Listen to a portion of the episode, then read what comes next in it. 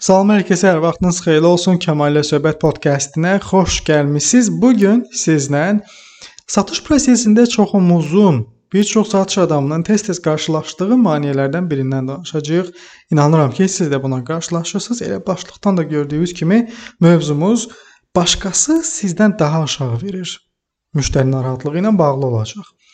Ümumiyyətlə, yəni satdığımız məhsuldan asılı olmayaraq bu qiyməti aşağı və yaxud da yuxarı məhsul ola bilər, korporativ satış ola bilər, B2C ola bilər.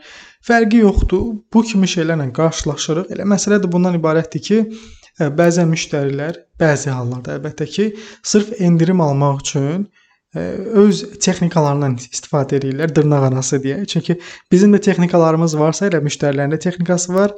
Nə bilim, üstündə xırda yoxdur və yaxud da elə bax səndən öncə filan yerə zəng eləmişdim. Bu qiymətə verirlər. Əgər sən də uyğunlaşdırsan qiymətini səndən alaram. Sərə və axır. Bu da müştərilərin texnikasıdır. İndi bunu da e, ağlımızın bir tərəfində saxlamağımız şərtdir. Amma gəl gəlin deyək ki, e, bu məsələ, bu narahatlıq ciddi bir şeydir, yalan deyil və müştəri əgər bu narahatlığını dilə gətirirsə, necə yanaşmağımız şərtdir. Baxın, mən buna verəcəyimiz cavabı hazırlayarkən biraz diqqətli olmağa çalışdım. Çünki istər müştəri narahatlığı olsun, istər istərsə müştəri sualları olsun, onlara cavablarımızı verərkən əmin olmalıyıq ki, bizim söz seçimimiz, sözlərimiz, cümlə strukturumuz və yaxud da ümumiyyətlə dialoqda istifadə etdiyimiz cümlələrin məntiqi ardıcıllığı bir-birini təkzib eləmir və insan davranışları ilə insan psixologiyası ilə ziddiyyətdə deyil. Çünki əgər siz insan davranışlarla insan psixologiyasının ziddi ziddinə getsəz, inanın mənə ki, sizin satışı yekunlaşdırma ehtimalınız çox azalacaq. Bir sözlə Müştəri əgər istənilən bir narahatlığını dilə gətirirsə, real və yaxud da qeyri-real, biz heç vaxt da, heç vaxt müdafiə mexanizmimizi qaldırmalı deyilik. Mən başa düşürəm, bu sənin məhsulundur, bu mənim məhsulumdur, bu bizim övladımız kimidir, biz bunu satırıq. Estağfurullah. Yəni o barədə deyil, əlbəttə ki, ə, bu bizim məhsulumuzdur da. Yəni övladımız ona görə deyir, deyirik ki, yəni bu bizim qiymətlidir bu bizim üçün.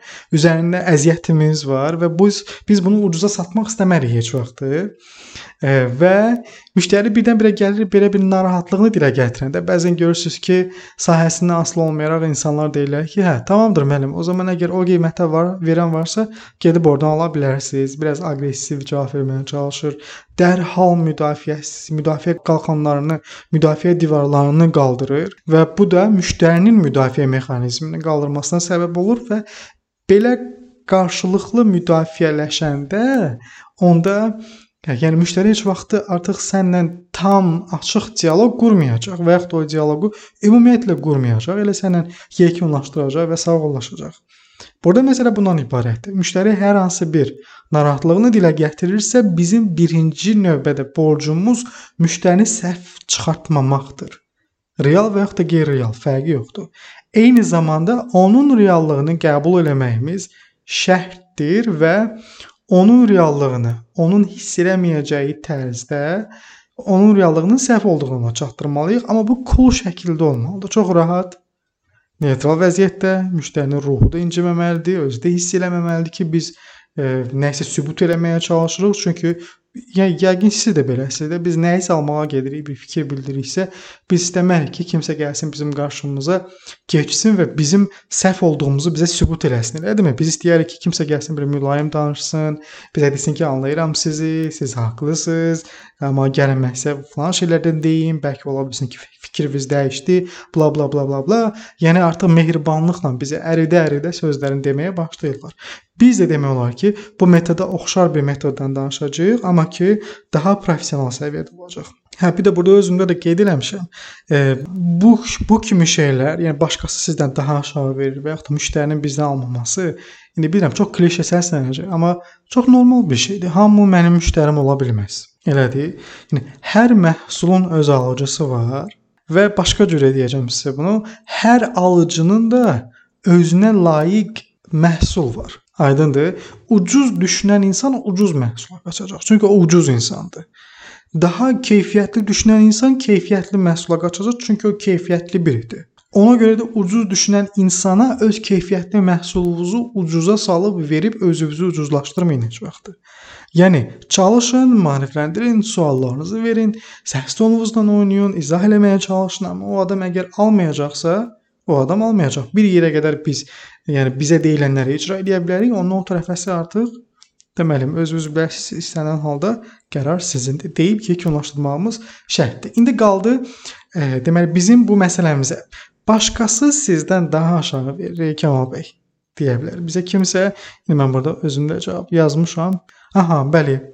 Bazarda fərqli qiymətlərdə kifayət qədər bu və ya buna oxşar məhsullar var. Yəni bizim də xəbərimiz var bundan. İndi siz də siz də haqlı olaraq sual verə bilərsiniz ki, xəbəriniz ola-ola bu niyyət, bu qiyməti niyə qoymusunuz? Çünki bizim digər qurumlarla müqayisədə fərqimiz artıq mən başlayıb sadalayıram.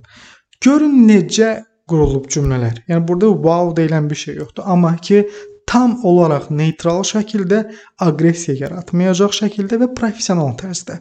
Aha bəli, e, Fərqli qiymətlərdə kifayət qədər, yəni bu və yaxud da buna oxşar məhsullar var. Bazarda satılır. Bizim də buna xəbərimiz var əlbəttə ki, indi siz də haqlı olaraq sual verə bilərsiniz ki, bəs Kəmal, əgər sizin buna xəbəriniz varsa, xəbəriniz ola, niyə bəs bu qiymətə qoymusunuz?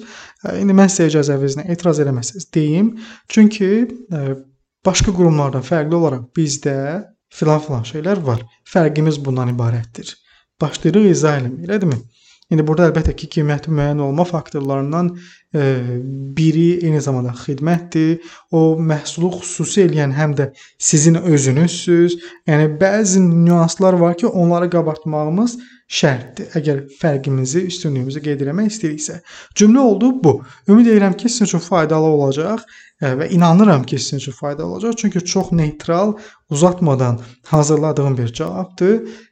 İstəyirsinizsə əgər bu epizod xoşunuza gəldisə, bu mövzu xoşunuza gəldisə, mən çox istəyirəm ki, Instagramda mənə yazasınız ki, bu bəhanə ilə bağlı, bu narahatlıqla bağlı da bir skript hazırlasan çox gözəl olardı. Çalışacağam, əgər uyğun olarsa hazırlayacağam. Çox sağ olun ki, səbirlə məni dinlədiniz. Özünüzü qoruyun.